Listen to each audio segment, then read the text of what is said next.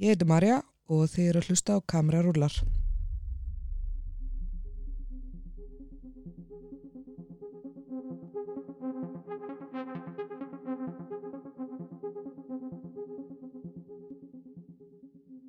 Hjá mér situr Bjarkisteit Pétursson, mikill áhuga maður um Marvel. Velkomin. Uh, takk. Hvernig líður þér svona hérna í Nóa Sirius stúdíu og podcastöðurinnar? Mér líður bara, bara mjög vel í Nóa Sirius stúdíu í podcastöðurinnar. Er það ég svona, sponsað af einhverju Jú, þetta er sponsað af Nóa Sirius. sponsað af Nóa Sirius. Við köllum Já. þetta súkulega stúdíóið. Það er reyndar ekki til súkulega núna, þannig að, sorry. Þetta er ekki nú gott. Já, en hvað gerir þú, Bjarki? Ég geri allan handskotan, sko. Ég er þá 170 leikstjóri en ég er líka að gera allan handskotan. Ég hef verið, uh, ég hef verið tökumæður og uh, mjög mikið að vinna með að vera AC í, aðalega bara í skólamyndum. Ok, Uh, ég verið að ditta eitthvað í bíómyndum. já, Það er bara að taka uh, þú segir Njóður okkur, kameru og, og svoleiðis um, þú varst í því, þú varst að gera það á færi með mömmu í sömur, það ekki? Já. Já, og. En við ætlum að fara svolítið yfir Marvel í dag. Já. Og hérna, um, Marvel er náttúrulega ótrúlega stór heimur og já, ég er svona Marvel nörd en alls ekki að mikið Marvel nörd og þú. það, það eru það ekki margir sko Nákvæmlega.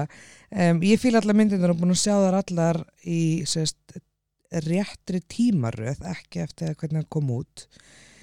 Um, finnst þér mikilvægt að maður horfi á þar þannig eða eða sérst, í sögulegri röð eða í þeirri röð sem það kom út? Ég myndi segja að þegar þú horfir á í fyrsta skipti þá myndi ég horfa á þér í tímaröð og mér finnst það bara vera svona almenn regla með allt Mm -hmm. eins og veist, þetta er mjög mikið einræðið með Star Wars í hvaða röð þú horfir á þér af því að 1, 2 og 3 koma eftir 4, 5 og 6 Já. en þar finnst mér líka bara að þú horfir á þér í, í útgáfuröð af því að það er rauninni þannig sem sagan er, er sögð og hlutinni meika kannski ekki eins mikið sens fyrir þér Mhm. en, en það, það er aðeins svona það er ekki eins strámt með Marvel af því að það er veist, þetta eru svo margar sögur sem tvinnast bara saman öðru hvori veist, eins og þú getur hort á uh, Thor myndirnar Mhm. hort bara á þær og þú fær alveg svona context clues og ok, þetta gerist í The Avengers og, þetta, og bla bla bla en þú veist, þú, það er Mhm. meika samt alveg sens fyrir þér um, en svo eins og þú veist þú getur til dæmis þú veist, eins og Captain Marvel gerist árið 1994 minni mig. Mhm. þú getur alveg að horta á þú veist uh, Captain America First Avenger fyrst og svo Captain Marvel og svo Iron Man af því að það er í rauninni tímaröðin Já. en uh, þú veist þá í rauninni ertu að sjá uh, Captain Marvel rosalega snemma og svo kemur hann ekkert aftur fyrir inn í Endgame. Akkurat, að- að þannig að það er eiginlega þú veist þeir kynna karakterina þegar þeir vera relevant Já, ég skildi. Já, akkurat. eða þegar, eða þegar þeim sýnist að ú, mér langar að setja nýtt franchise og við getum greitt nýjan miljard og selt ógeðslega að dóti og bólum Já, nákvæmlega. En nefnir talandi um það, þú veist, ok, við förum kannski betur í það eftir. En í svona, ég, þegar ég horfði á þær í fyrsta skipti, þá horfði ég bara á Iron Man. Já.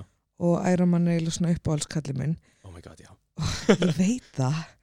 Og hérna, þannig ég var bara búin að sjá þær allar áður en ég sá allt hitt. Já. Og síðan þegar við tókum ákvörðunum að horfa á sérst myndinu, þá ákveðum við að horfa á þær í sögulegri röð. Sem sagt, basically, ég, er, ég, veist, ég hefði ekki viljað gera það öðru út af því að af því að mér fannst endurinn svo mikilvægur til þess að vita hvað var að fara að gerast í næstu sögu í rauninni. horfður á þeir þá í, veist, í chronological Já. já, ok, þannig að þú horfður á Captain America fyrst og svo Captain Marvel Nei, nei, nei, nei, nei, ekki þannig, ég er að rugglast. Ég horfði á þær í, þú veist, útgáfuröð nei, það er nefnilega ekki útgáfuröð. um er það að tala? ég horfði á ég er mjög rugglaði núna í þeirri röð sem að, þú veist, ef þú horfir á fyrstu myndina, skilur, sem á að vera fyrsta myndin í þessu, sem er Captain America First Avengers.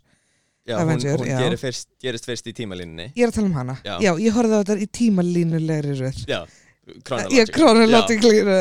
Já. Þannig að þú veist, alltaf þegar að að kreditlisti var búin þá kom svona hint hvað var að fara að gerast í næstu. Já. Ertu ekki búin að sjá það, Bjarki?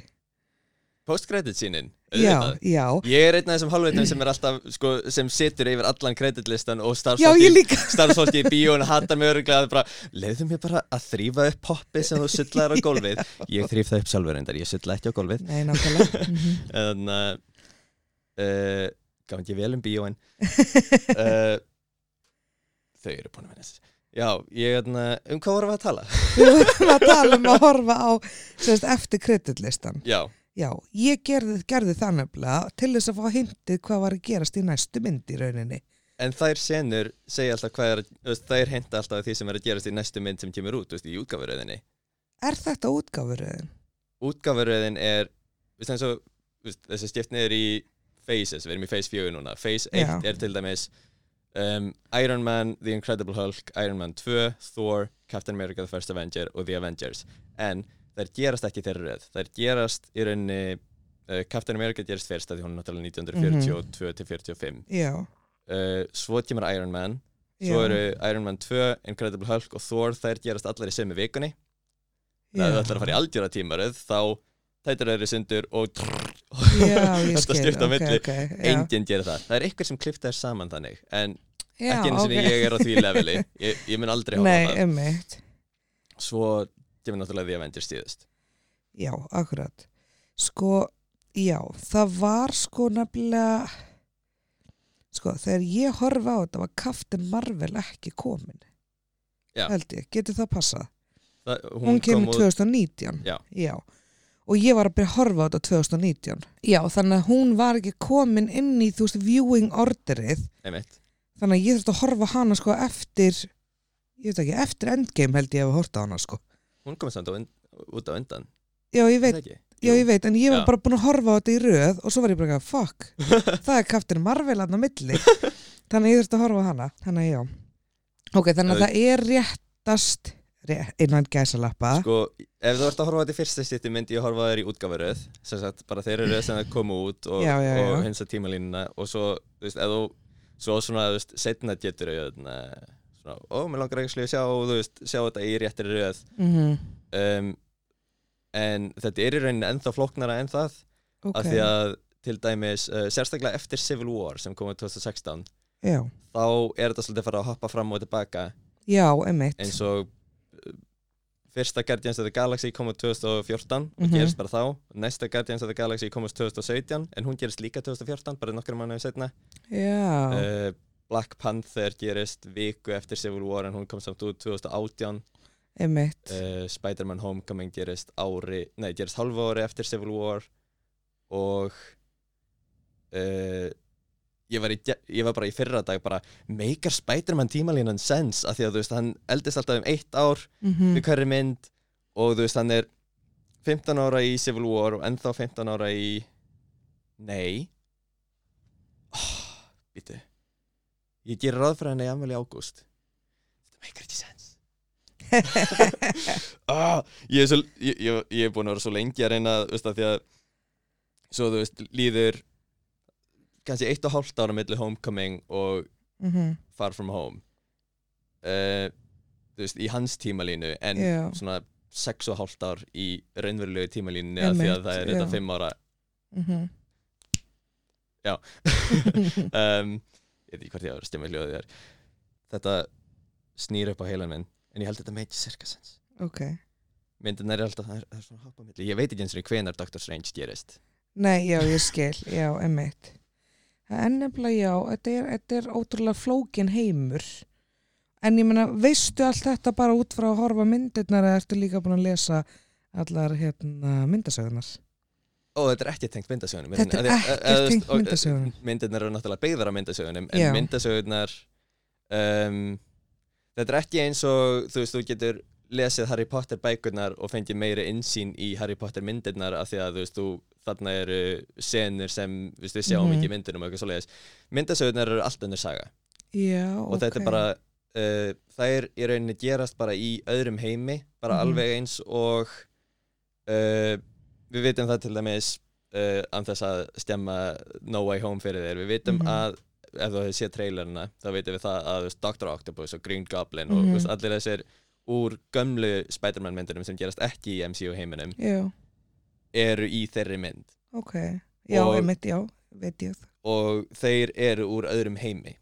Já, um, og bara alveg eins og það þá er uh, aðal Marvel myndasögu tímalínan sem er kallið Earth 616 mhm, uh, bara Jörð 616 um, er bara annar heimur.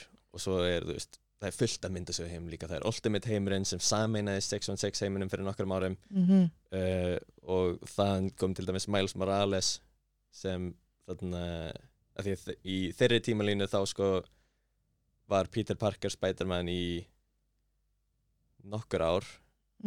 Þú veist, hann, hann dó síðan sem unglingur og Miles Morales tók við og svo Já. kemur hann yfir í 616 heiminn þegar þetta er allt rosalega flókið Já, einmitt, þetta er allt bara eitthvað svona flétta inn í veginn. og veist, myndasögur eru búin að vera bara í ruggli síðan sko, veist, í, í langan tíma og svona, þú getur lesaður og bara ekki hafa þetta áhyggjur af því og það er það sem mér finnst skemmtilegast Mm og ég Já, af því að þær þurfi ekki að tengjast, þú tala um það. það er tengjast rosalega mikið Já, og það er í rauninni eins og myndirnar eru allar í sömu tímalínu og tvinna saman en það er ekki að segja í rauninni eina heildstæða sögu eins og myndirnar já, ok, ég skil. myndirnar eru veist, eins og með veist, allt á milli um, Iron Man og Endgame og svo er Spider-Man Far From Home svona pína epiloga því Mhm, um, er í rauninni að segja eina risastóra sögu sem er The Mhm. Infinity Saga sem er um Já,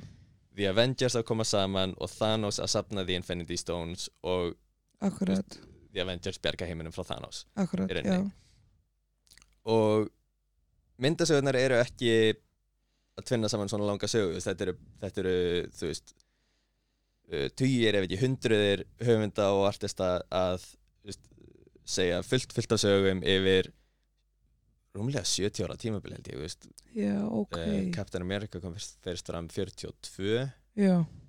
og veist, þetta er rauninni sami heimurinn frá því þá.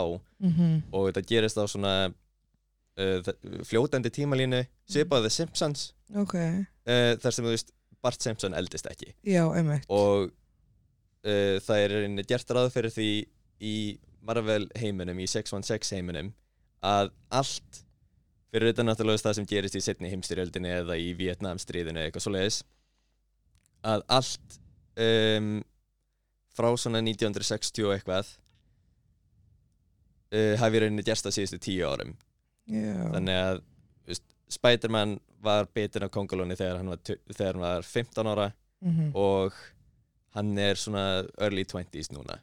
Já, ég skil. um, og svo þarna rettkonnaði hluti eða veist, breyta þeim eftir á. Ég er að reyna Mhm. að tala meira íslensku. Um, eins og um, origin story hans Iron Man er mjög svipað í myndasögunum og þeir í myndunum en veist, þegar fyrsta blaðið hans kom út þar 1963 eða 4 eða eitthvað þá var það í Vietnamstríðinu ó, af því að það er bara stríðið sem var í gangi þá. Já, og svo breytaði, svo náttúrulega þú veist, rettkonaði það af því að uh, þú veist, Iron Man getur ekki verið hvað væri hann hátt í nýræðu núna ef, Já. ef veist, svo væri raunin þannig að Mhm. uh, núna er þetta ekki stæðir í miðustöldunum Já, ég Og- skil. þannig að en stundum gera þeir það ekki sem er svolítið skrítið eins og Punisher Mhm, er samt, þú veist uh, barðist í Vietnamstríðinu ok. um, en þú veist, í myndunum eða þú veist, í, í rauninni Netflix þáttunum Mhm, sem eru tengdir myndunum við vorum ekki alveg vissum það í smástund þeir svona átt alltaf að vera tengdir myndunum mhm, svo voru þeir það ekki og svo eru þeir það núna aftur. Ok, uh, ég ætla ekki að segja þér hvernig það var staðfest. Ég er að tala rosa mikið með höndunum það sést ekki í það þannig að hann er ennþá Vietnam vet í 616 heiminum. Þannig að hann er bara þú veist, 90 ára gamall eða eitthvað en lítur samt út fyrir að vera færstugur ég stíl ekki myndasögur, ég stíl ekki af hverju þeir Já, uh, retkonaði ekki bara eins og þeir bara, og segja bara eins og í Netflix þáttunum bara, Mhm. hann var í Írak eða eitthvað Já, einmitt, bara breyta í rauninni bara til þess að aðlaða það sem er að gerast í dag í rauninni, er tala um það? já, Já, einmitt og þetta er alveg svona þetta er mismikið vandamál eins og Mhm. Magneto til dæmis var uh, fornalam uh, helfararinnar mm og það meikaði rosa mikið sens frá sko þarna uh, frá því að hann kom fyrst fram á 1961 eða hvernig sem það var. Og ég alveg langa tíma eftir það því hann ákvort er að vera gammal maður en núna er hann veist, núna væri hann hvað líka 90 og eitthvað. Mhm, já, um, en lausnin sem þið nota við því er að þeir segja að öðru hverju þá fer hann til eitthvað annars stökkbreiðis og segir hei, gerðu mig yngri. Og hann segir, jepp þú ert yngri núna, cool og þannig að þess vegna er hann í kringum sjötugt en ekki í kringum nýrætt já, ég skil. Þannig comics, já, emmitt they're fun.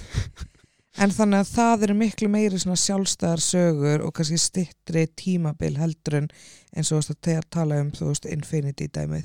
já, uh, að- í rauninni Marvel myndirnar eru búin að gerast yfir lengri tímalínu heldur en Marvel myndasögurnar eiga að hafa gerst Mhm. þó að þær hafi verið að segja sömu söguna í 70 og eitthvað ár um, En eins og með Marvel myndirnar og nú er komin þessi svaka tímalína þarna Já. og þetta eru ykkur 27 myndir eða er það ekki? Ég er búin að missa töluna því Já, hérna sko, ég er allan inn á síður það sem kemur fram 27 Já. en þar inni eru sko tvær myndir sem að ég veit ekki svona hvað er, hvað er. einn sem að kom út í fyrra og heitir Eternals Já. Er það eitthvað sem að maður á að horfa á uh, inn í þessari tímalínu? mér fannst hún mjög góð hún er rosalega hún er alveg, hún er í tímalínni Mm uh, mér fannst hún bara svo skemmtilegt svona frávik einhvern veginn af því hún er svo ólík heinum Já, þetta er um einhverja konur, er það ekki? þetta er um Eternals er í rauninni um uh, ég held að þeir hafi líka breytt alveg helling frá myndasögunum en þarna, þetta eru uh, ó, þetta eru tíu ódæðilegar verur Mm uh, frá djemnum að því að auðvitað Já, já. og þarna sem í rauninni voru sendar til jarðarinnar af The Celestials sem eru svona risastórar uh, ódöðlegar verur í geimnum. Við hefum séð þær við hefum séð þá í Guardians of the Galaxy. Mannstu eftir þarna þegar The Collector var að þegar þið fórum með steinin til The Collector? Mm og við sáum svona risastóran steingaur með staf já, og veist, hann er Celestial já. og Ego sem er pappi Starlord er líka Celestial. Já, ok, skil. Já, þannig að hann tengist alveg þannig inn. og Ok. uh, The Eternals eru ódæðlegar verur sem voru sendar til jarðarinnar af The Celestials Mm til þess að vernda jörðina frá annari tegund sem heitir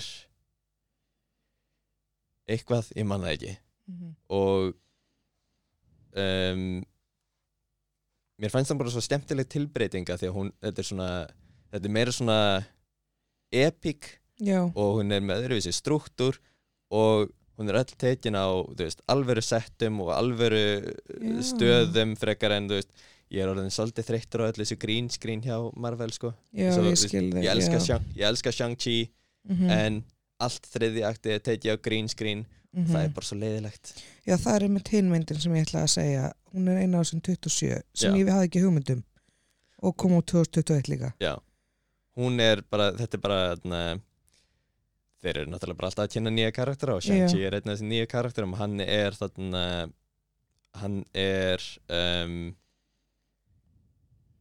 svona kung fu-gaur Já, ok. kung kung fu-gaur Já, ég En menna þú veist, þeir eru alltaf hvað sem er að bæta einhverjum inn í, þú veist, það er alltaf einhver, það sem er ör og það sem er hamar og það sem er, þú veist, þannig að Já. akkur ekki hann.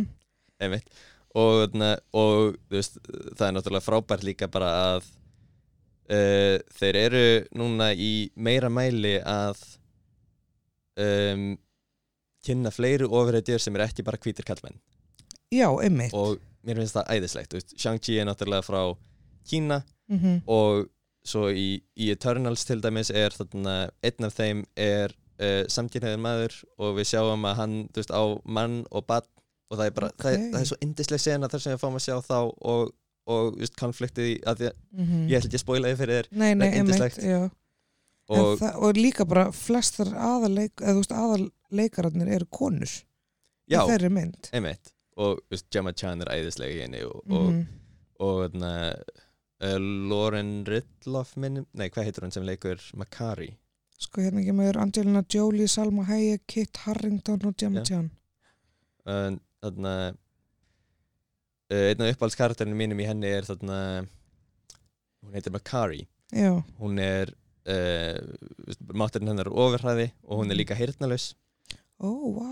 Og þarna, það er alveg mikið að heyrnalausa fólki líka Mhm. þú veist, Hawkeye er líka þarna, tíma fram í þáttunum að hann bara og það öllu sem hann hefur gengið í gegnum þá er hann, hann að missa Já. heyrnina líka. Mhm. og uh, það var alltaf svo mikið vandamál sérstaklega því að sko fyrir að forstjóri Marvel fyrirtækisins ekki, hann hefur ekkert með myndirnar að gera lengur. Heit, hann heitir Ike Perlmutter.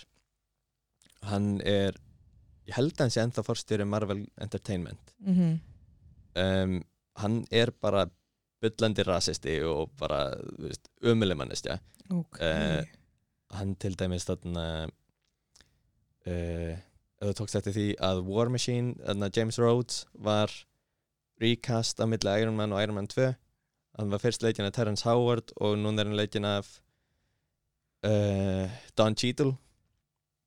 Ok, og- Nei, jú, örglega þú veist, þú, ég sé það bara. Já. langt sín ég horta þér. Og þetta var bara launamál og, Mhm. þarna, og það sem uh, Ike Perlmutter sagði við þessu var bara recastum hann, það mun enginn taka eftir því þeir líti allir eins út. Já. en eins og að við það- fílum ekki Ike Perlmutter en á endanum þá fór þarna, Kevin Feige bara til um, forstjóra Disney já, og sagði bara ég vil ekki vinna með þessum manni lengur hann er fáiði mhm, og uh, forstjóri Disney sagði bara ok. Og hann bara fær ekki að taka þátt í myndinu lengur. Og eftir það þá, hef, þá þeir verið að kynna meira af uh, bara þarna karakterum af um, öllum uh, kynþáttum og þjóðurnum og, og, og Mhm. kynferðum og það er bara indislegt að Það fá að sjá meira af ekki allar ofurhetjur þurfa að vera ég. Nei, nákvæmlega, algjörlega. gagginniður hvítur kallmaður það En- verður mjög þreytt. en gerðist þetta líka með Edward Norton og Mark Ruffalo?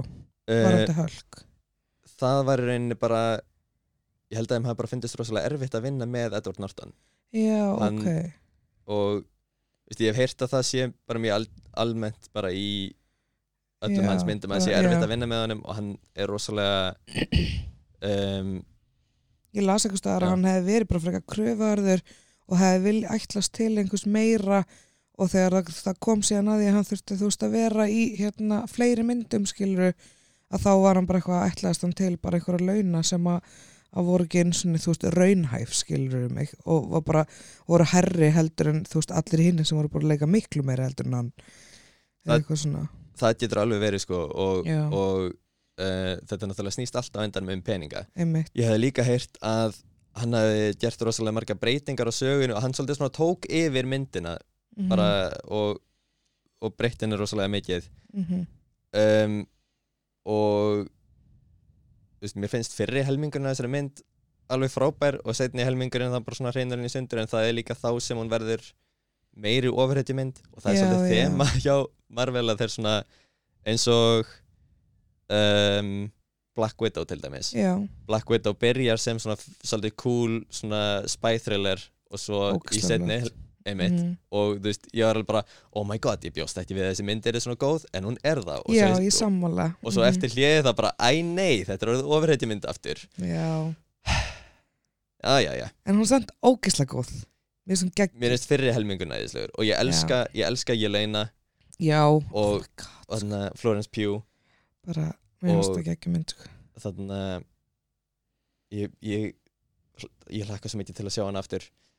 Um, við vorum að tala með Incredible Hulk já, allavega, það er bara, það er bara erfitt að vinna með Ed Norton og Mhm. veist, bara eins og þarna, eins og margir svona stórleikarar eru það er bara, þeir verða svolítið svona inn í sínum heimi og, og veist, að því að bara heimurinn leifið þeim að gera ákveðna kröfur þá bara ætlast þeir mhm, en einmitt. ég náttúrulega um, er eins mikill utangarsmaður og ég get verið Mhm. uh, í þessum málum já, já, auðvitað en þetta er bara það sem ég hef heyrt. Já, einmitt.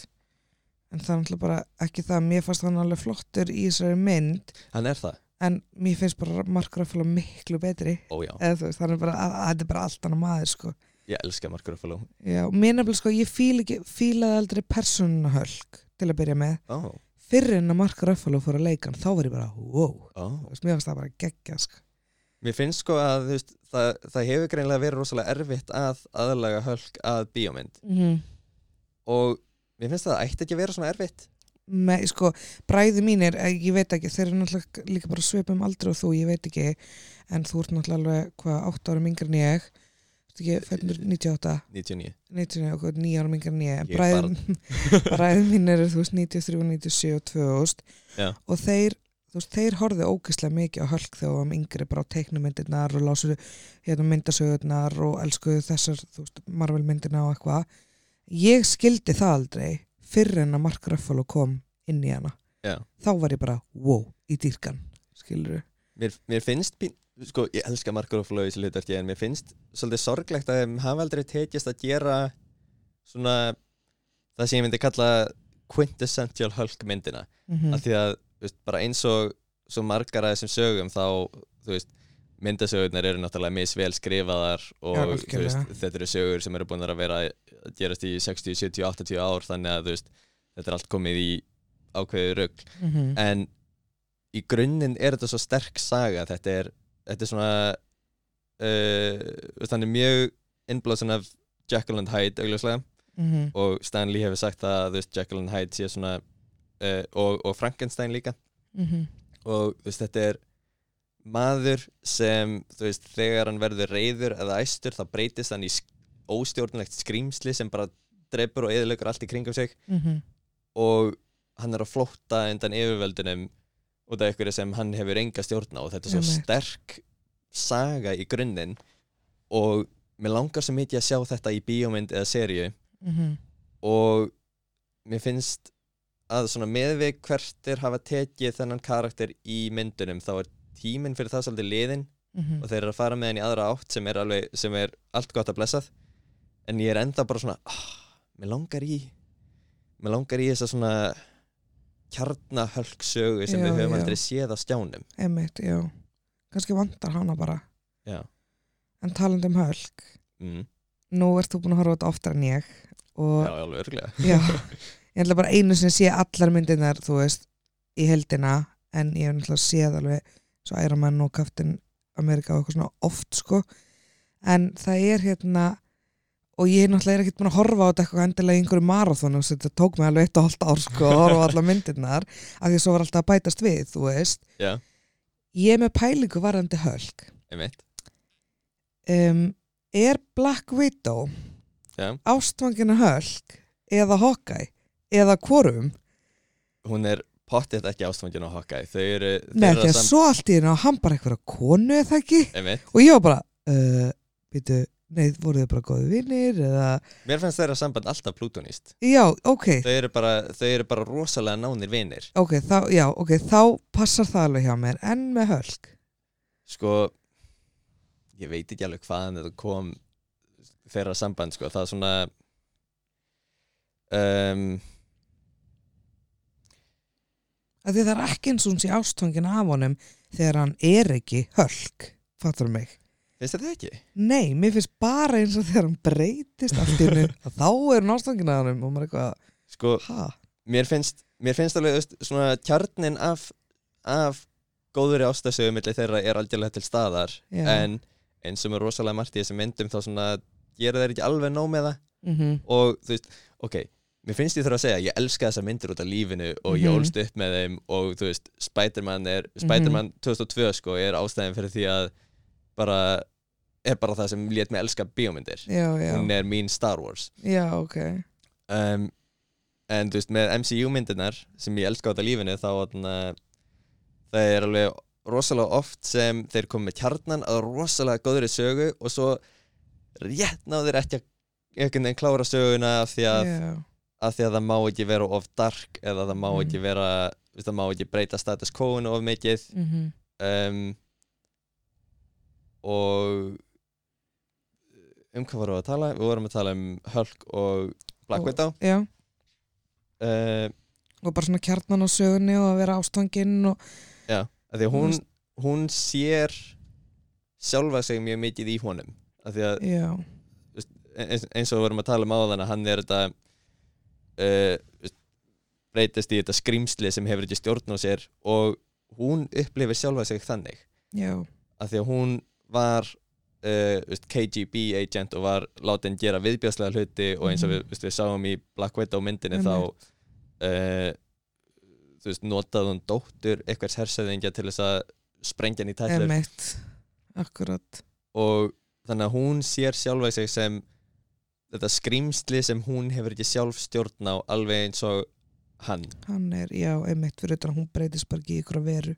Já, sem er eiginlega verra mm -hmm, Af því að- af því að hann hefur afsökun hann bókstaflega hefur ekki stjórn á sér en hún er með meðvitund allan tíman já, þetta er allt í hausnum á hann veist, hún stjórnar þessu alveg þannig séð sko, já, ekki þannig Eða hún stjórn, já, samt. Við náttúrulega veitum hvernig uh, valdamikið fólk getur jú, jú, manipulerað aðra. Algjörlega. En hún ber samt ábyrða, meiri ábyrða því sem hún gerði heldur en Hulk og meira Já. heldur en Winter Soldier til dæmis sem var alveg Einmitt. heila þegin mm emitt, og það er góð mynd. Hún er indislega svo svo góð. er ég ekki alltaf að segja við að þú lítur út eins og Young Captain America? Eins og Captain America fyrir sérumið yep. You bring a 90 pound asthmatic onto my army base, I'll let it slide. Ég er að segja það you'd þið eru svo líkir ég, bara, ég get ekki. Ég hef heyrt þetta frá fleiri en þér. Já. og ég held að ég þurfa bara að fara að gera eitthvað í mínum málum. Ég held að ég þurfa að fara að rektina og verða bara eins og hann var síðan. Oh, en já, við erum að tala um hérna, myndinar En þarna hún var svo heila þvei Nei, Já, já en, hún hefur veist, ber þessi- ábyrð á þessu. Þessi saga einhvern veginn grunnurinn að þessari sögu er frábær en svo fer hún ekki drossalega mikið. Nei, einmitt, nei, nákvæmlega. Um, sem er alveg svona óþægilega algengt í þessu myndum en þú veist það er það að er nóg klári ekki litlu sögurnar Já. og eins með til dæmis að þarna uh, Ronan sem var vandikallin í Guardians of the Galaxy Mhm. myrti fjölskyldu Drax. Mhm. og þeir náttúrulega drepa hann og svo í endanum með þeirri mynd segir, na, segir Drax, já Ronan var náttúrulega bara peð, Thanos er sá sem ég þarf að drepa. Mhm. og Gamora og uh, Nebula eru dætur Thanos. Alveg og rétt þær náttúrulega eru sennilega þær sem hafa mest bíf við hann. Mhm. en sá sem á endanum dreipurinn er Iron Man af því að Iron Man er aðalhetjan og þetta er Avengers mynd, ekki Guardians, Guardians of the Galaxy mynd. Þannig að þetta er svona, já, það er einmitt eitt, sko. Mér finnst, fannst það skrítið. Já, þetta er svolítið lose-lose sko, af því að, veist, af því að eins og þetta er þá, þú veist, þetta er Avengers mynd og þetta er síðasta myndin hans Iron Man og hann þurfti samkvæmt því narrativi Mhm. að vera, eða samkvæmt þeirri sögu að vera sá sem dreipur Thanos. Mhm. en samkvæmt Guardians of the Galaxy myndinum þurfa það að vera þarf það eiginlega að vera Nebula. Já, eiginlega sko. Og í myndasögunni var það Nebula. Já, ok, og þannig en það er það sem það er. Það er það sem það er. Iron Man dó og ég fór að gráta. Mjög mikið. Já ég líka. Ég man bara þú sagði við mér, ertu ekki búin að horfa á hana? Ég var bara, nei, ekki segja mér, þú er bara eitthvað, þú ert eftir að hata þetta. Og svo horfði ég á þetta og ég váka ég hata þetta, þetta var ömurlegt, sko. ég elska þegar karakter að deyja. Ég sko ég bara Ha? að því að þú veist það er bara sérstaklega bara veist þegar, þegar Marvel leifir karakterum að deyja sem er, sem er styrkur sem myndirnar hafa fram yfir myndasögunar Já, myndasögunar hafa ákveðna styrki fram yfir myndirnar eins og veist við höfum bara samþykkt það að þegar að koma nýjir höfundar þá bara er þetta glæni í saga og geggjað og þú veist og mm. Spiderman skrifaður að bla bla bla er allt öðru við sem Spiderman skrifaður að blú blú blú já, einmitt. uh, og þú veist og þetta getur haldið að fara endalaust og við getum alltaf verið að prófa nýja hluti og veist, ef það er ömulegt fuck it, það kemur nýr höfundur eftir þrjú ár og þetta verður fínt aftur Akkurat. en þannig að styrkurinn sem myndirnar hafa fram með myndasögurnar er að karakterinir mega deyja Já, akkurat. Það er enda alveg rétt, sko. og þú veist, Iron Man hefur alveg dáið í myndasögunum en hann kom aftur og Spider-Man hefur dáið og hann kom aftur veist, allir, allir koma aftur uh, svona brandarinn með ofurhutti myndasögur eru að þeir einu sem fá að deyja í ofurhutti myndasögum eru Uncle Ben, Mm. Gwen Stacy fyrir undir kjærast Spider-Man. Mm. um, Jason Todd sem var Robin Já, og Bucky Barnes. Já, ok. Gwen Stacy, Jason Todd og Bucky Barnes koma allir aftur. Já. svo eini sem fær að vera dáinn í myndasögunum er Uncle Ben. Eina mannesinn sem fær að deyja. Ég bara, ég skil ekki. Mér finnst það er alveg rétt veist, þegar þú segir það, það er alveg það er alveg fallegt við það að þau degi og því að það líka samt segir bara, þú veist nothing is forever, skilur Einmitt. mig og mér er svo frábært líka sem veist, myndirnar gátu gert af því að það er ekki svona ógæslega mikið eins og myndasögunum mm að þær gátu sagt þessa veist, einu sögu sem veist, er risastór og spannar 20 og eitthvað myndir -hmm.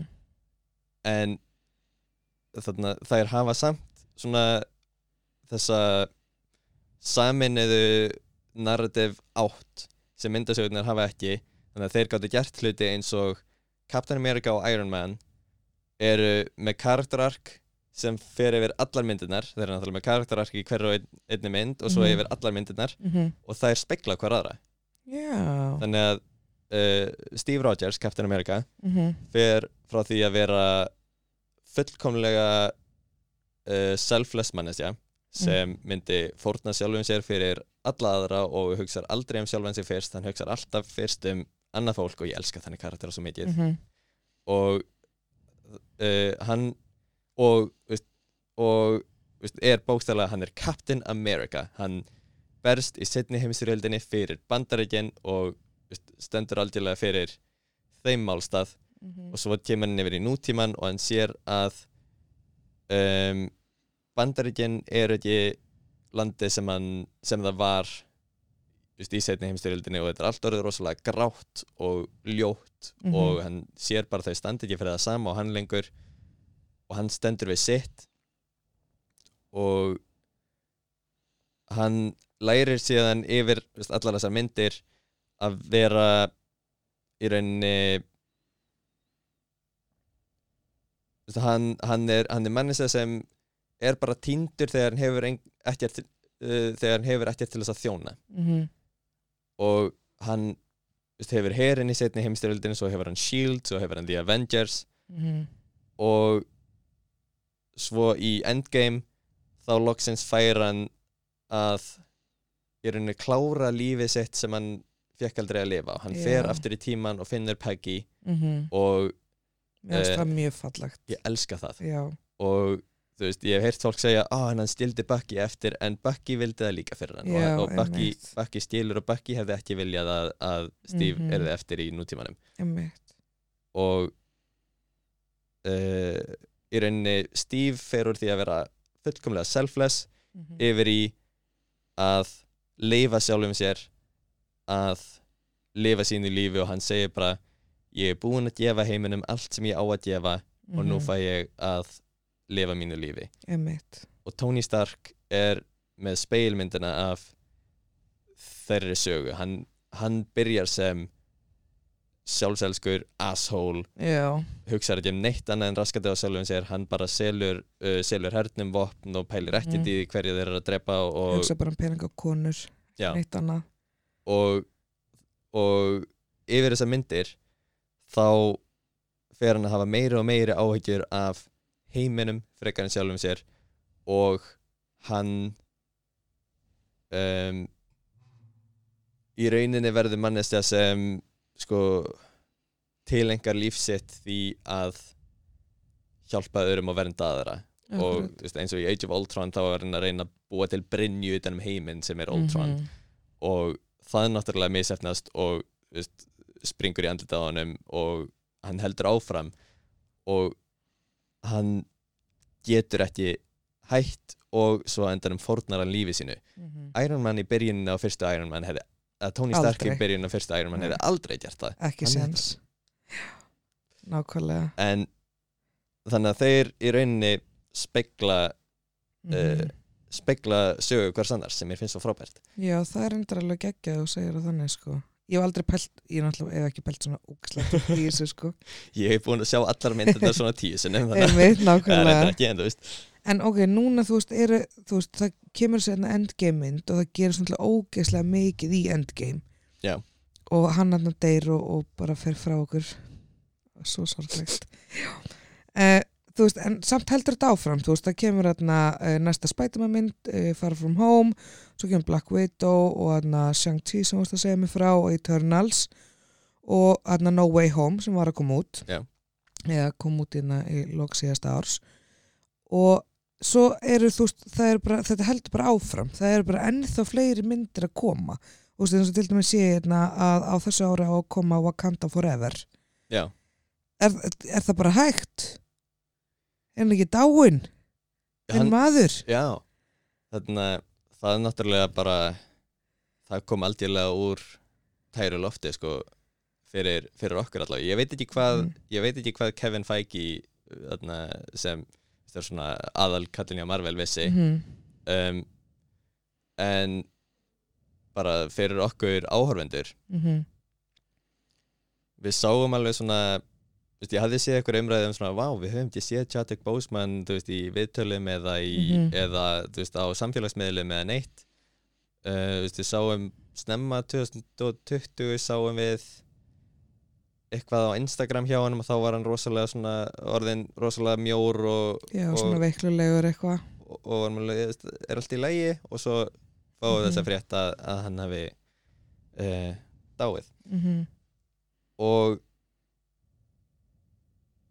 ég veit ekki hversu sko, hvað Marvel vissu í rauninni og ég, Nei, ég þarna mér finnst það rosalega góð ákverðin hjá þeim að að þeir komi rauninni fram og segja bara við ætlum ekki að hafa óýtjur af Black Panther franchise-inu í smá stunda því að veist, það bara, Mhm. það skiptir ekki máli. Þessi maður er dáinn og nú við að pæla í uh, fjölsýðunans og, og bara því sem hann skilur eftir og veist, þessar bíómyndir með að býða Mhm, Einmitt. Og það beðið ekki drosalega lengi. Nei, nei, veist, ekki droslega lengi. Ég meina þessi mynd á að koma út í nætt eftir nóvambur sko. Já. Og það hefur búið að vera rosalega mikið kringum þú veist, eins og um, já, það hefur búið að vera hellingsvesen í kringum hana uh, eins og Letitia Wright sem Mhm. leikur Shuri, sýstur hans Mhm. uh, T'Challa. Hún svona uh, orðrómurinn er að hún verði Black Panther í þeirri mynd Já en- svo er hún bara með eitthvað svona anti-vax tjaftaði hún neytar að, mm. hún neytar að bólusetja sig og, Já, ég skil, þannig að það er svona Já, og hún lendi í einhverju um, innan gæsalappa slisi mm. uh, seint í fyrra eða fyrir nokkrum mánuðum og ég held að tökurnar sé ekki ennþá farnar í gang aftur já meinar. Og þú veist, ég, ég náttúrulega veit ekki hvað gerðist, kannski var þetta slis eins og þeir segja að hún Mhm. hafi verið að leika eitthvað áhættu að treyði en þú veist, svo er fólk að segja þetta er COVID, mm af því að hún neytir að bólusetja sig og þú veist, það getur líka verið það. Já, einmitt. Ég langar bara að losna við hana. Já, ég skil. Mér fannst hún æðislega í fyrstu myndinni Mhm. og þú veist, og í Infinity War og bara, þú veist, ég elska hann út af lífinu en eftir þetta þá bara Já, já, einmitt. Hún er bara, þarna, veginn bara er að eðalegja fyrir einum já, og líka bara hún hún er til dæmis búin að vera að posta á Twitter til dæmis bara að bóliðarni sé hættulegt sem það er ekki. Mm -hmm. bóliðarni er fullkomlega örugt Nákvæmlega. Búin að vera bólusett með bóluefnum bara í miljón ár. Einmitt, Þannig að En Ég mynd- já, þannig heldur þú veist að fyrir utan bara þessa mynd skilur en heldur bara að þetta muni bara halda svona áfram, þú veist, nú erum við í phase 4 og það eru áallar hérna 2, 4, 6, 7 myndir allavega á næstu 2000 nei 2000, ekki 2000 árum næstu einhverjum árum, skilur einhverjum x árum, kannski 5 árum með eitthvað. Þú veist, en þá sé ég hérna til dæmis mynd sem er hérna ein sem er Fantastic Four. Já. Og þá spyr ég þig, að því að núna til dæmis var ég bara að komast að því í morgun. Ég er bara svo föst í þessum Marvel Infinity heimi, skilur bara þess, þetta Thor, Captain America og allir þeir, sko. Og mér fannst alveg meiri sér að pína erfitt þegar að hérna, Ant-Man kom inn og Doctor Strange og eitthvað svona, þú veist, ég var bara, hvað lið er þetta, þú veist, en alveg búin að vennast í núna og mér finnst þér æðislega karakterar allt, sko. En eins og ég er X-Men og Fantastic Four og Deadpool, þetta er allt Marvel Universe sko, þetta bara eins og eins og þarna bara eins og myndasögurnar og eins og Mhm. uh, gamlu Spider-Man myndirnar og allt það þá eru þetta bara aðrir heimar í rauninni já, og þarna allar X-Men myndirnar sem við hefum séð hinga til um, þær gerast í öðrum heimi mhm, sem er líka rosalega rugglingslegur af því að mhm, MCU myndirnar mhm. sem við hefum verið að tala um þær eru með rosalega svona strangt continuity og þú getur hort á alla myndirnar og það er bara tímalínan make a sense Mhm, karakterinir eru alltaf þeir sömu og þeir náttúrulega breytast og þroskast og allt það en þú veist uh, Ant-Man er alltaf Paul Rudd mhm, já, og. Spider-Man er alltaf uh, Peter Parker allavega er alltaf Tom Holland. Akkurat, já. Um, en þarna uh, veist, til dæmis þarna veist, í X-Men myndunum höfum við séð það er náttúrulega veist, tvær Mystique og það eru tveir uh, Professor X og tveir Magneto en þau eiga að vera að leika Já. sömu karakterina í rauninni bara veist, yngri og eldri. Já, en svo sjáum við til dæmis það voru þrjár X-Men myndir uh, árið 2000, 2003 og 2006 eða eitthvað. Og svo X-Men Origins Wolverine sem við talum ekki um. Svo, svo kom X-Men First Class sem er bara Mhm. eina bestu ofriðjumyndum allar tíma hún er æðislega, horfða á hana. Ok uh, og hún gerist árið 1962 og sýnir hvernig uh, Charles Xavier og Eric Langer sem er Magneto hvernig þeir kynntust mhm. og, og hvernig fyrsta X-Men liðið var til. Já, og svo næsta mynd eftir það þá um, hoppum við í rauninni tíu ár fram í tíman hún er þá 1970 og eitthvað. Og þá fáum við að sjá þær útgáfur af Professor X og Magneto og Beast og, og Mystique og öllum þeim aftur. Og Wolverine og veist, gömlu prof Professor X og Magneto og Kitty Pryde og alla mhm, uh, þú veist, þá í rauninni þetta er svona tímaflagsaga og það kemur crossover millir þessar tveggja mhm. uh, veistu, hópa sem eiga samt að vera að gerast í sömu tímalínunni en það er alltaf svona inconsistencies. Já, já.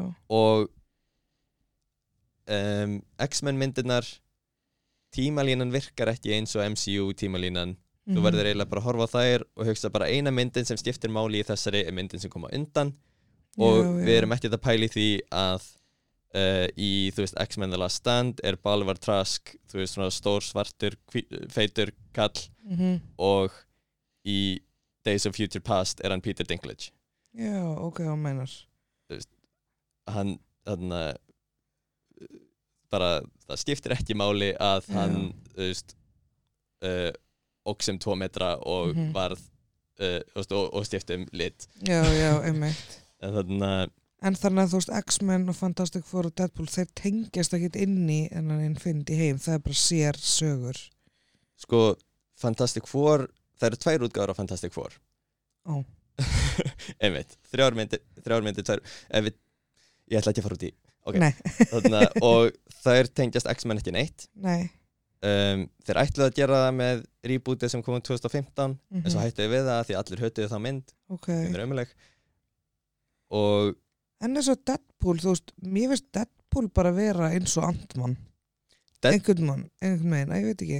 Deadpool tengist X-Men myndunum svona semi Ó, um, ég kannski fatt að ekki að því ég hef ekki sé X-Men en ég er búin að sé Deadpool. Já, hann sko ertu búin að sjá Deadpool 2? Nei, reyndar ekki. ok, en þarna allavega, veist, eins og Colossus er mjög mikilvægur karakter í Deadpool myndunum Mm hann er í sumum af X-Men myndunum en þetta er samt, Ó. annar, veist, þetta er samt ekki sama tólkunin á karakternum Já, ég skil, þetta er bara sami karakter með, sama, sami karakter með sama nafn en ekki, hann gerir ekki það sama.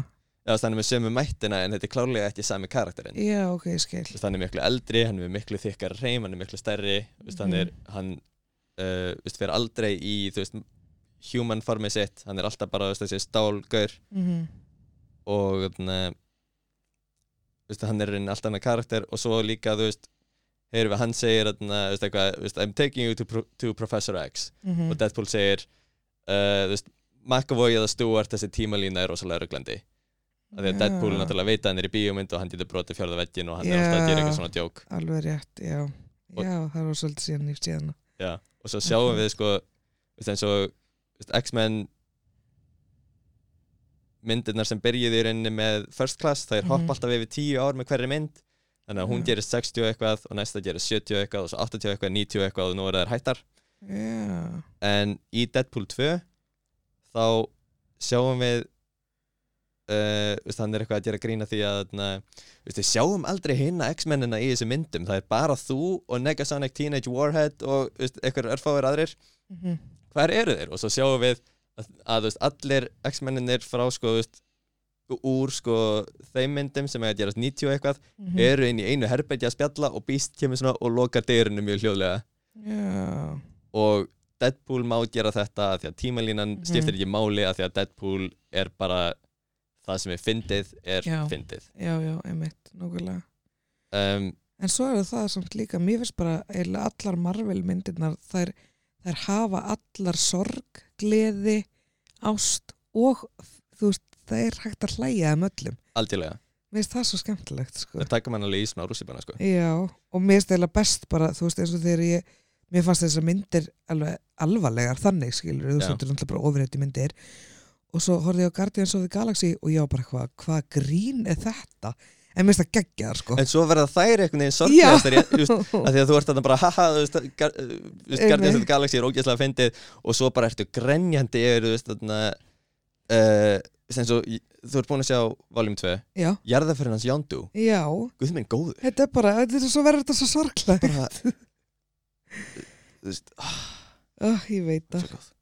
En ok, þú veist, hvað er það samt, þú veist, ég veit ekki, kannski erum við bara búin að ræða það, þú veist, en ég meina hvað er það sem fær fólk til þess að halda áfram að horfa bara á þessar myndir, þú veist, hvað er það, þú ert bara nörd, Bjarki, þú veist, ég veit ekki, ég get horta þetta allt aftur auðvitað, sko, og mér varst ekkert leðilegt ég var að horfa á þetta í þessari röð, að horfa aftur á Iron Man og Captain America, sko, mér varst ekkert leðilegt, en ég er bara svona að pæla, þú veist, hvað verður til þess að fólk verði svona heldtekið af þessum myndum. Er það að því að það er svona continuous saga þú veist, eða er það því að það tengið við myndasögurnar eða? Viltu síníska svarið eða romantíska svarið? hvað er með bæði Ok, síníska svarið er að um, þessar myndir eru rosalega þarna um, við vitum alltaf við hverju við erum að búast. Já, þegar við sjáum Marvel mynd þá vitum við að veist, þetta er að fara að vera ákveðin tónn og ákveðin típa af húmor og, Mhm. og ákveðin típa af hasar og þú veist, karaktera sem við getum tengt við og við vitum bara að við erum að fara að fá allan pakkan já, og veist, hvort sem hún er frábær eða bara allt í lagi þá er þetta samt, við vitum að við erum að fara að fá eitthvað sem er þess verði að borga 1600 kall og pappakók já, ég skil, já. Romantíska svarið er að uh, okkur þykir vænt um þessa karaktera og, og ég held að það sé alveg þarna ég held að það sé alveg jafn, sko, algengt og og, og bara mismundi að milli fólk sko, veist, ég þekki alveg fullt af fólki sem veist, er bara veist, já, já, þetta eru skemmtilega myndir og ég horfa á einu svona og ég gleymi þeim en þegar Marvel myndir í bíó þá fer ég á síðana já, já. og svo er annað fólk sem er bara, þeim þykir virkilega vænt um Captain America og Spider-Man og Thor og mm Mhm. alla og veist, munu uh, og munu horfa á nýjar myndir með þeim af því að þið langar að sjá restan af sögunni romantíska svarið er að okkur þykir bara rosalega vænt um þessa karaktera og þessa sögu og veist, við munum koma aftur af því að við þurfum að sjá hvað gerist næst í lífi Spider-Man og í lífi uh, Thors og The Guardians of the Galaxy og, og allara þeirra. Og þetta er svona nánast orðið eins og sjónarpstáttur í bíó. Já, einmitt. Og þess vegna til dæmis um, ég hef heyrt gaggrínina að um, veist, það sé bara fáránlegt að það sé að gera myndir eins og Endgame að því að þú þarft að hafa séð svona margar myndir á undan. Já, já, ég skil, og þá segi ég bara að þú myndir ekki byrja á seríu 8 af Game of Thrones fyrir þú hefur séð allar hinnar nákvæmlega. Það er bara svolítið þannig. Og og ég get alveg sagt það bara, ég áttaði mig á því að því að fyrsta Marvel mynd sem ég sá bara yfir höfuð Já. var Avengers. Já, í þegar hún kom í bíó að því að bara þáverandi vini mínir Já. voru bara eitthvað, hei, við ætlum í bíó á þessa mynd, viltu koma með? Og ég fó bara með. Já. Og þá varði ég bara ástfangin og ég var bara, ég verð að sjá allt sem koma undan skiljur, þú veist ekki þetta horfa bara á þessa mynd og þetta er ekki einu svona endgame skiljur og það eru tíu ár síðan. Já, nákvæmlega, holy shit, Avengers er tíu ára gömul. Já. Þá var ég sko 21 og ég er 22 núna. Já, nákvæmlega. Iron Man kom út þegar ég var 9 ára. Ég held Oh að ég God. ég held að þegar ég var 10 ára. Amma mín leiði hana fyrir mig í, í Snæland-vídeó í Mosó En ég meina þá er þetta líka bara óslega eðlilegt að þetta situr svona í þér, þetta er bara myndir úr æskunniðinni, þú Einmitt. veist, ég byrja að horfa á þetta því ég var eftir tvítugt, skilur Einmitt. við mig. Þú veist, ég sá sko ég sá Spider-Man þegar ég var Þá gömlu Spiderman myndir. já, þú veist, sem kom út 2002 hún kom út þegar ég var 30 ára ég sá hana Hún var sko að repeat heima með bráðum sem fættir 93 var alltaf að horfa á hana, sko.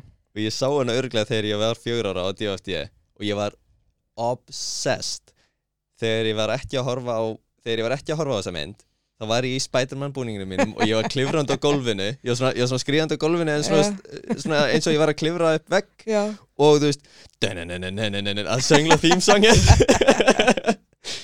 sko, Uh. ég er nefnilega að fíla þær ekki. Gömlu myndirnar. Ég veit, þetta er sorry. bara, sko, þetta er bara blasphemy Já, ég bara, það er they eitthvað are my það. entire childhood mér finnst það sko leiðilegar En svo, og þess vegna var ég bara þegar ég hérna, þurfti að horfa á hérna, uh, Homecoming já, þá var ég bara, oh, Linur, þurfum við að horfa á þetta? Og hann bara, já, þetta er partur af tímalínunni, við erum að horfa á þetta. Það eru svo ólíkar samt. Þetta er bara önnum mynd, var bara, vá, Bara- þetta er góð mynd bara, mér finnst hún geggjuð. Sko, mér finnst fyrstu tvær Sam Raimi Spider-Man myndinar mm. 2002 og 2004 það eru svo, það eru ógeðslega góðar. Og Spider-Man 3 er líka góð en hún er mjög gallið og það eru stúdíótröflanir og þú veist, hann vil Mhm. ekki hafa venn á mér og allt það um, en þannig að það sem er svo frábært í þær og þær hafa alveg sína galla en ég elska það um, þær eru rosalega kampi en það er alveg viljandi mm. og bara, þú veist, ég elska línur eins og bara We'll meet again, Spider-Man þú veist við sjáum það ekki lengur og þetta er bara Nei.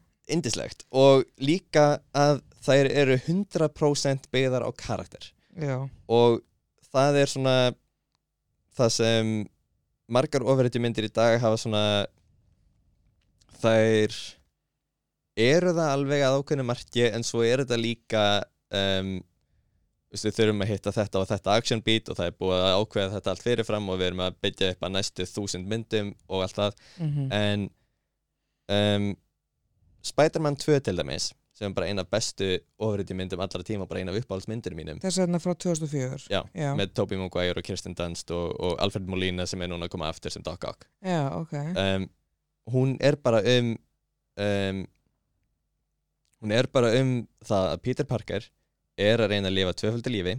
Já, um, hann er, þú veist hann, hann er náttúrulega Spider-Man og svo er hann í háskóla mhm, og svo er hann ástfangin af Mary Jane mhm. og hann og, og þú veist, hann er í vinnu, hann er stýtblankur og Aunt May er líka stýtblank og uh, og þú veist, hann uh, veist, besti vinnur hans, Harry Osborn er, er þú veist það er að koma eitthvað svona konflikt þar á milli af því að þarna, uh, Harry heldur að Spider-Man hafi drepið pappa sinn Já, og ok þú veist, Peter vinnur við að taka ljósmyndar af Spider-Man fyrir Daily Bugle þannig að hann er alveg svona veist, með, veist, Mhm. með hverjum ert þú í liði Já, já. Og og bara því að lífið er að draga inn í svona margar áttir þá í rauninni uh, hann bara höndlar það ekki og, og hann er- sýnir nánast öll einkenni uh, þarna hann sýnir nánast öll einkenni lífið er að og, veist, lífið er að draga hann í allar þessar áttir og hann sýnir í rauninni langflest ef ekki öll einkenni áfallastreituröskunar Mhm.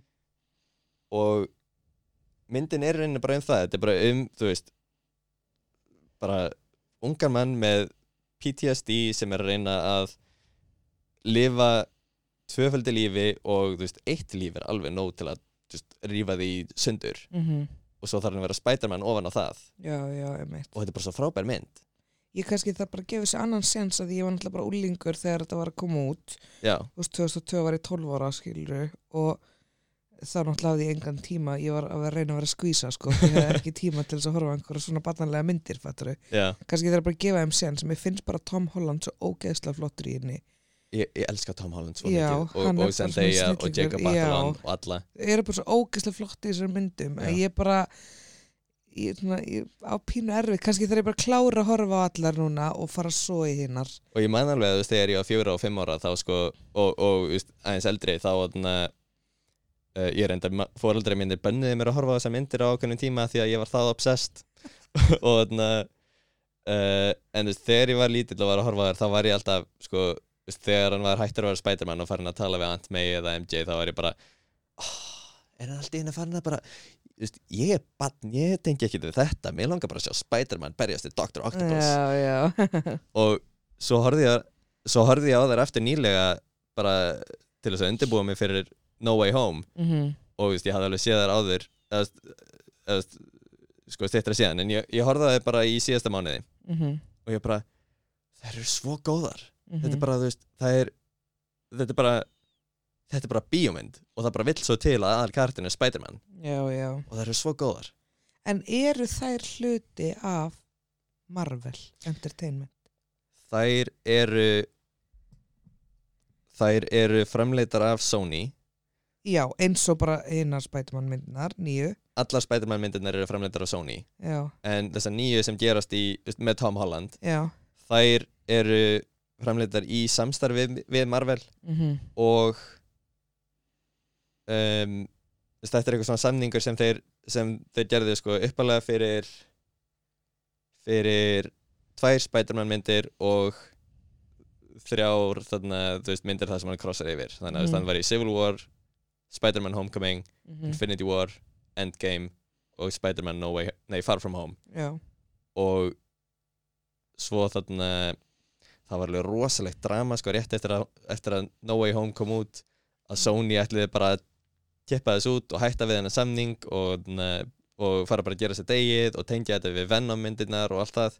Já og ég var bara, þú veist, ég var í sjokki þarna í svona mánuð eða fimm vikur eða eitthvað. Já, og þarna, ég bara, ég man ennþá eftir mómentinu þegar ég las þessa frétt og ég bara, NEI! mhm, er þetta ekki að grínast?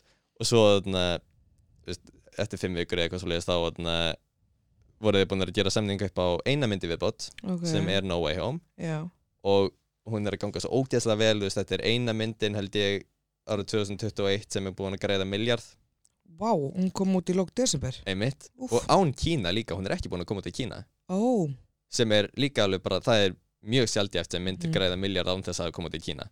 Ok. Og þarna uh, þannig að þú veist ég hef enga trú á því að þeir mun ekki halda áfram með hennan samninga því að þetta er bara að Mhm. ganga svo ógæðslega vel.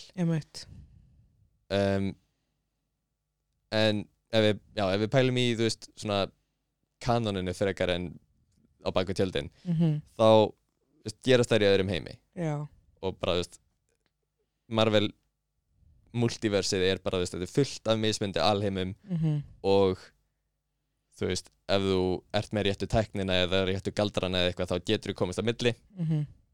Eins og þarna, eins og við erum að fara að sjá mikið meira af. Mhm, uh, þú veist, næsta uh, á næsta ári held ég kemur Doctor Strange in the Multiverse of Madness. Jep, hún er að fara að hoppa rosalega mikið á milli heima. Á þessu ári kemur hún.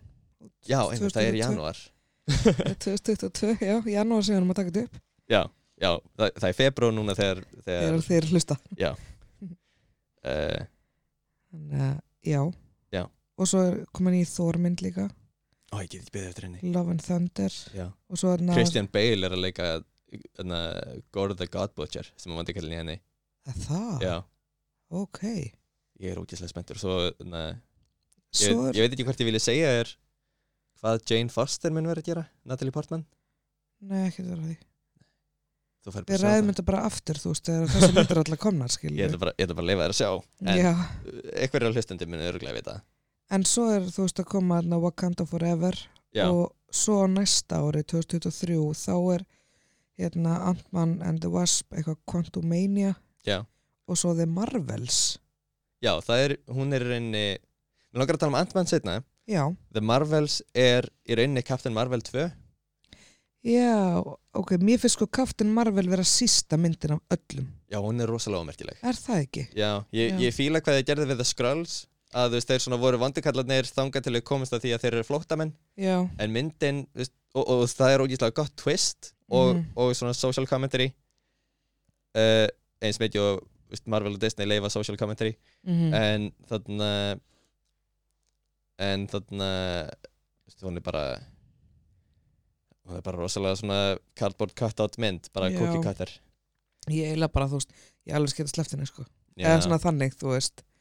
Og þú veist mér langar að sjá meira af þessum karakter og mér langar, veist, það, það er mm. nýjir handritsöfundar og nýjir leikstjóri og ég vona að þeir svona gefinni smá Já. sparkir að sinna því að veist, þessi mynd græti alveg miljard mm og þarna og uh, þú veist, allt það en það er eiginlega allir sammála um bara svona hún er ekkert spes, já, hún er bara rosalega ómerkileg hún mynd er bara svona, í svolítið Já. svona, sko en núna sko í The Marvels mm þá þetta er veist, þá er þetta veist, Carl Danvers, Captain Marvel.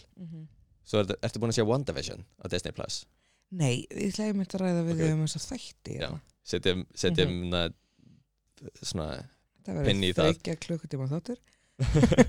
En þarna í henni, ja, í, í þeim þáttum er uh, annar karakter sem uh, mann ekki hvað hann heitir. En alltaf hún verður líka ofurhetja í þeim þáttum og hún verður í, í The Marvels. Svo seint á þessu ári er að koma þættir sem heita Miss Marvel. Ég held að það komið seint á þessu ári. Mm og er um stelpa sem heitir Kamala Khan. Og hún er rosalega inspired af, eða rosalega innblásin af Captain Marvel. Og hún fær ofurkrafta og verður ofurheitjan Miss Marvel.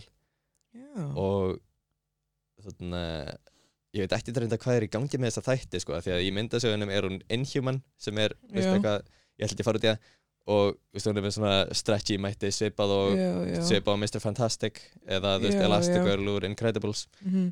en þannig að það er ekki alveg eins en já, ég skil já. ég veit ekki hversu margir myndasögun nördar er að hlusta með hversu mikið ég þarf að svona ég veit alveg hvað þetta er en ég er reyna að innfalda bara til þess að fara ekki út í já, ég er búin að fara út í rosalega mikla þvælu nú þegar og þetta þarf ekki að vera meira um, en þannig að þær þrjár verða aðal karakterin í þeirri mynd og þær eru The Marvels Já, ok, skil. Það getur samt alveg vonandi bara orðið gott eitthvað úr því. Já. Af því að það er líka alltaf verið eitthvað að segja eitthvað að það þurfi fleiri svona konumyndir, eða skilur ég er ekkert á móti, ég mest að frábært, en og þá er einmitt þetta bara tilvalið skilur til þess að bæta inn þennan kalla heim, en rosalega mikið, mikið að kallum hann, sko. einmitt og, og líka þarna, þú veist, eins og Kamala Khan er held ég frá Pakistan Já, ok. eða, eða foreldrennar eru það en hún, hún býr í New Jersey Já, og þarna uh, sem er náttúrulega líka bara þarna, hlið á bara alvöru heiminum okkar sem við Einmitt. erum búin að sjá rosalega lítið af Mhm. bara þú veist, fólk frá frá Asíu og frá miðausturlöndum og, og þannig ég veit ekki akkurat. alveg hvar Pakistan er Anyway. Austur-Evropu. nei, nei, nei, nei, það er ekki stær í Asíu Asi, Pakistan, ég veit ekkert hvað það er. það er ekki starfna. ég held að það sé Asíu þannig að, En já, það er rétt, veist, það, bara, það vantar bara fleiri sjónur einmitt eins og við máum tala um áðan. Já. En eins og við máum tala um þætti núna Já. og ég var einmitt að fá með Disney Plus og æðislegt og því það, það er allt marfilega nynna fyrir utan Spiderman. Eh, það sem vakti sem enginn áhuga minn var hvað mikið að þáttum um, sérst, um þessa karaktera leikna af sömu leikurum eins og bara Hawkeye og Loki og eitthvað svona. Já, og ég er svo ógstlega spennt að horfa á þetta því þeir lofa svo góðu þessi þætt einmitt. Og þú veist, ég myndi bara horfa á þetta bara, veist, eins og myndina bara í þeirra sem þetta kemur út. Já, og þú veist, WandaVision til dæmis er veist, þetta er svo geggið hugmynd þetta, er, þarna, Mhm. þetta gerist bara stuttu eftir Endgame. Já. Og þú veist, við vitum náttúrulega að Vision er dáin. Mm og svo sjáum við Wanda og Vision í svona 50 sitcom. Já, og veist, fyrsti þátturinn er bara hann er bara 50 sitcom. Ok. Og við erum bara, wow, hvað er í gangi hérna, veist, Mhm. er uh, veist, það er klárlega eitthvað í gangi og við veitum ekki hvað það er. Mhm. ég er enda að spotta það strax en þú veist. Já, já, nördi um, þannig og þú veist allavega byrjun á þeirri seríu er bara svo ógeðslega áhugaverð og, Mhm. og spennandi. Ég elska WandaVision. Já, ég er búin að heyra mjög góð hérna hluti um hana já, og hérna Loki þættina. Þessi, ég er líka að horfa trailerin þar þau eru geggjaðir sko. Ég er bara, ég er mjög spennt að byrja að horfa á það. Loki er líka wild. Hann er bara, hann er svo ógeðst mikið og maður svona hann er svona, maður er með svona love-hate relationship við hann í myndunum. Já, svo ertu að horfa hann þarna og ég var bara, ég elska hann strax ég var bara, ah, tjó, stillingur er þetta og ég var líka alveg, sko, þegar ég, þegar ég sá þessi þættir voru, þeir voru að gera þessi þætti mm -hmm. ég varð alveg pínu pyrrað þar að því að eins og við varum að tala um að leifa karakterum að deyja já, það er bara, Loki er búin að deyja svona fjórum ég sinnum veit þarna. það hann, hann, hann er búin að deyja svona fjórum sinnum og í Infinity War er sko Thanos kirkir hann og við sjáum alveg æðarnar tútna og augun koma Mhm. nánast út úr hausköpuna á honum og veist, hann droppar hann á golfu og segir No resurrections this time. Já, og er bara ég er ógeðslega sad en ég líka er svo ánæður að því að við leifta hann um að deyja að því að Já. sagan hans er búin og bara yes. Jöp. og svo þú veist segir ó við erum fara að gera loka þættina. Og ég bara ok þú veist, er þetta, er þetta prequel? Er þetta gerist Já, það já, undan já. myndunum þú veist, uh, en svo eða er það eitthvað- bara svo töff í þessum þáttum sko. og svo þú veist, kemur hann aftur í endgame eða veist, Mhm. 2012 útgáðan að loka sleppur að Já, þetta er rauninni ekki ekki sami loki nei, einmitt þannig að við erum eiginlega bara með tvo loka í Já. þessum heimi sem er rosalega comic booky thing mm. og núna er þetta bara, veist, við erum með gamla loka og við erum með þennan loka og þeir, þeir eiga mjög ólíkar sögur Mm -hmm. og þú veist ég var alveg pyrraður á þessu uh, þá getur þættinni byrjuð og svo bara, ok, þetta eru góðu þættir þetta Já. er alveg þess verði og núna er ég bara þetta er það sem myndasögur eru já, og mér finnst ógæslega skemmtilegt að, þú veist myndasögur náttúrulega hafa alltaf verið rosalega svona uh, eða, þú veist nánast eins lengi og þær hafa verið til að hafa verið rosalega svona nördalegur hlutur einhvern veginn mm þær voru rosalega vinsælar í setni heimstyrjöldinu og stöttu upp úr því -hmm. en eins lengi og ég hef verið lifandi og þú og örglega Mhm. flestir sem eru að hlusta hafa þær verið rosalega nördalegur og lúðalegur hluti til að lesa alveg 100% já. og þær eru rosalega rugglandi og það er erfitt að komast inn í þær Mhm. og þarna og og einhvern veginn ef þú elst ekki upp við þær þá er erfitt að byrja þú veist já, veist, ég, ég byrjaði að lesa myndasögur þegar ég var svona 16 ára held ég mm. uh, veist, af ykkur viti og veist, það er ekkert svo erfitt að komast inn í þú þarf bara að hoppa inn og sætta þig við það að það er alveg karakterar svona þekkir ekki og eitthvað en það er, Já, já. gera svona svolítið eins og myndirnar og það er útsýra fyrir þig hvað er í gangi as you go. Já, og ofta rosalega klunnilegan hátt það er rosalega mikið af svona að já, manstu, við erum vinnir og við lendum í þessu og þessu. En uh, það eru líka bara mjög misvel skrifaðar já, 100% væntalega þegar það eru svona margir höfundar. Já, og að ég elska það að myndirnar eru að verða meira og meira eins og myndasögurnar það sem eru, þú veist við erum með loka úr tveimur mismyndi tímalínum mm -hmm. og veist, við erum með Clint Barton og Kate Bishop og þau eru bæði Hawkeye Mhm. og þú veist, við erum með þarna, uh, þú veist, í No Way Home erum við með, með Spider-Man og Doctor Strange og, Mm. og villains úr öðrum Spider-Man myndum sem eru öðrum heimum og og þú veist, við erum með alls konar og við erum alveg líka með þetta element af sko, eins og í myndasögnum þar sem koma nýjir höfundar og koma alveg með svona sína túlkun en Mhm. þær falla aðeins meira inn í veist, þær, þær, það flæðir aðeins svona meira náttúrulega í myndunum. Já, já, sem mér finnst líka gott. Og þannig að eins og við sjáum bara að uh, þú veist, Russo-bræðirnir sem gerðu setni tvær Captain America myndirnar og setni tvær Avengers myndirnar mm við sjáum alveg að þeirra Captain America þeir eru með aðra túlkun á honum heldur en uh, Joe Johnston sem gerði First Avenger. Já, já. En við sjáum samt að þetta er alveg sami karakterinn. Sjáum bara hann er í nýjum heimi og þeir, og þeir komum með þessa hugmynda þú veist, nú ætlum við að sjá hvernig hann bregst við þessum heimi og, og þú veist allt það, einmitt. um hvað vorum við að tala? Ég má ekki. Jú, ok, bara þættina Já, og þættina. loka og eitthvað, já. Uh, þannig að uh, bara hvernig þessi karakterar já, í rauninni blandast inn í þetta allt og það hefur lengi verið að tala um sko að myndirnar séu svolítið eins og sjónvarpþættir í bíó. Mm og nú er þetta bókstæðlega verið sjónvarpþættir líka þannig að þetta er eins og langur sjónvarpþáttur þar sem flesti þættirnir eru bíómyndir en sem Já. þættirnir eru líka seríur á sjónvarpþáttum já, já, já, nákvæmlega. Og svo þú veist uh, frá sko 2015 til 18 mm. ní- já, held ég. Voru Netflix þættir líka. Daredevil, Punisher, Jessica Jones. Já, já, já, já, já. Og þeir eru að tengjast inn í þetta núna líka. Já, ok. Og svo eru, Agents of S.H.I.E.L.D. og eitthvað svo leið sem við, Já, Svona- ég reyndi að var búin að horfa eitthvað á þeim, ég var styrir alltaf leið, sko. Já, ég held að ég hef séð fyrstu þrjár seriðnar af þeim eitthvað, svo gefst ég Já, einmitt. Þú veist, ég, Já, ég, er, Ja. það er líka það, þú veist, myndi aldrei hætta í að- myndi bara alltaf halda áfram eins og myndasögur sko, þetta hættir um leið og þetta hættir að kúka peningum. Já, það er svarið. Snýstu allt um peninga. Já. Það er alltaf svo leiðis En- þannig að, Já, talandi bara um að þetta sé svona nördadæmi, þú veist, að myndasögur sé svona nördadæmi. Já, Sko það er ástæða fyrir að við setjum bara einn og tvö, ég og þú sko. eh, reyndar er það að hún mæja okkar er lasin þegar þessi þáttur er tekinu upp en Bríðit hefur bara núl áhuga á þessu og hefur ekki séð eina marvelmynd.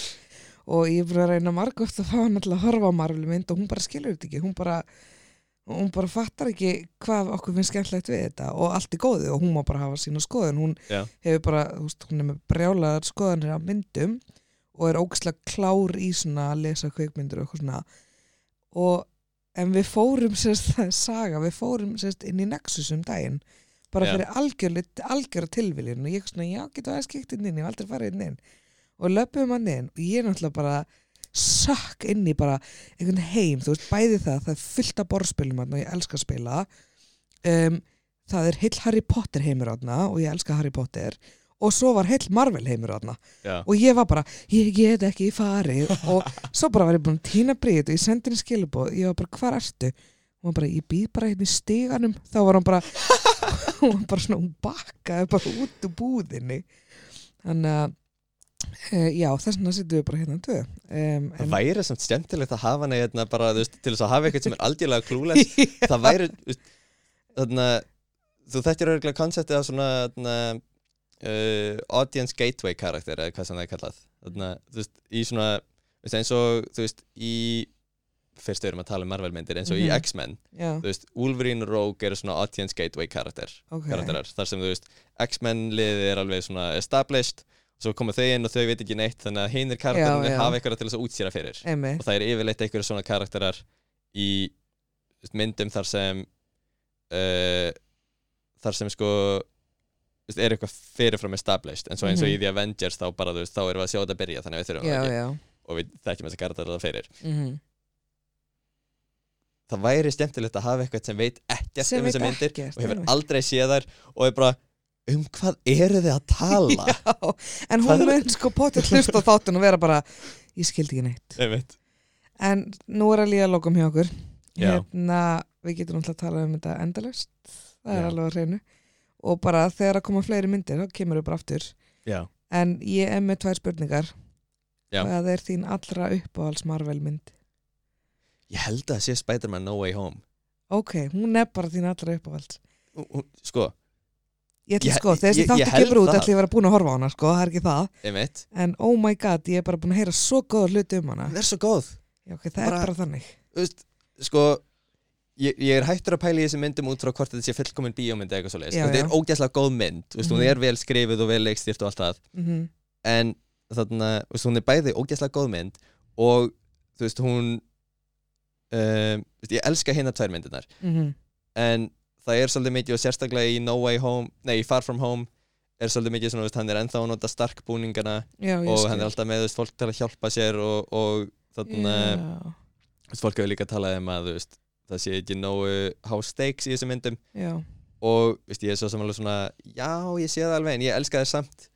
Sko, ég elska Homecoming og Far From Home, mm en eins og sérstaklega í Far From Home er alveg svona ég er alveg með nokkur pet peeves eins og uh, í endanum á Homecoming þá sýnir Tony Stark honum um, uh, Iron Spider búningin Mhm. og býður hann að vera í The Avengers og Spider-Man segir nei -hmm. og svo í þarna í Far From Home er hann ennþá að nota Iron Spider búningin og þú veist Mhm. og allt þetta og þetta er alltaf svona, veist, þetta er góð Spider-Man mynd en hún er alveg með nokkur element sem eru svona ah, þetta er Já. ekki alveg Spider-Man sko ok en ég elska hana samt Já, og hún er ógeðslega góð og þetta er önnur túlkun á karakternum og ég, Mhm. ég líka bara ég er ekki típan sem sko er bara þetta er ekki eins og ég myndasögunum eh. Já, nei, nei, nákvæmlega veist, ég, ég, ég, ég vil fá mismyndu túlkanir þegar það, að Mhm. mér finnst það svo skemmtilegt Já, já, en No Way Home tekur þennan karakter og á rosalega náttúrulegan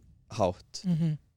uh, svona þróar hann og leifar hann að þroskast úr þessum Spider-Man sem við þekkjum á hinum myndunum yfir í meira traditional Spider-Man.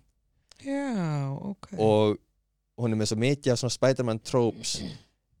Uh, hún er rosalega mikið af Spider-Man tropes eins og um,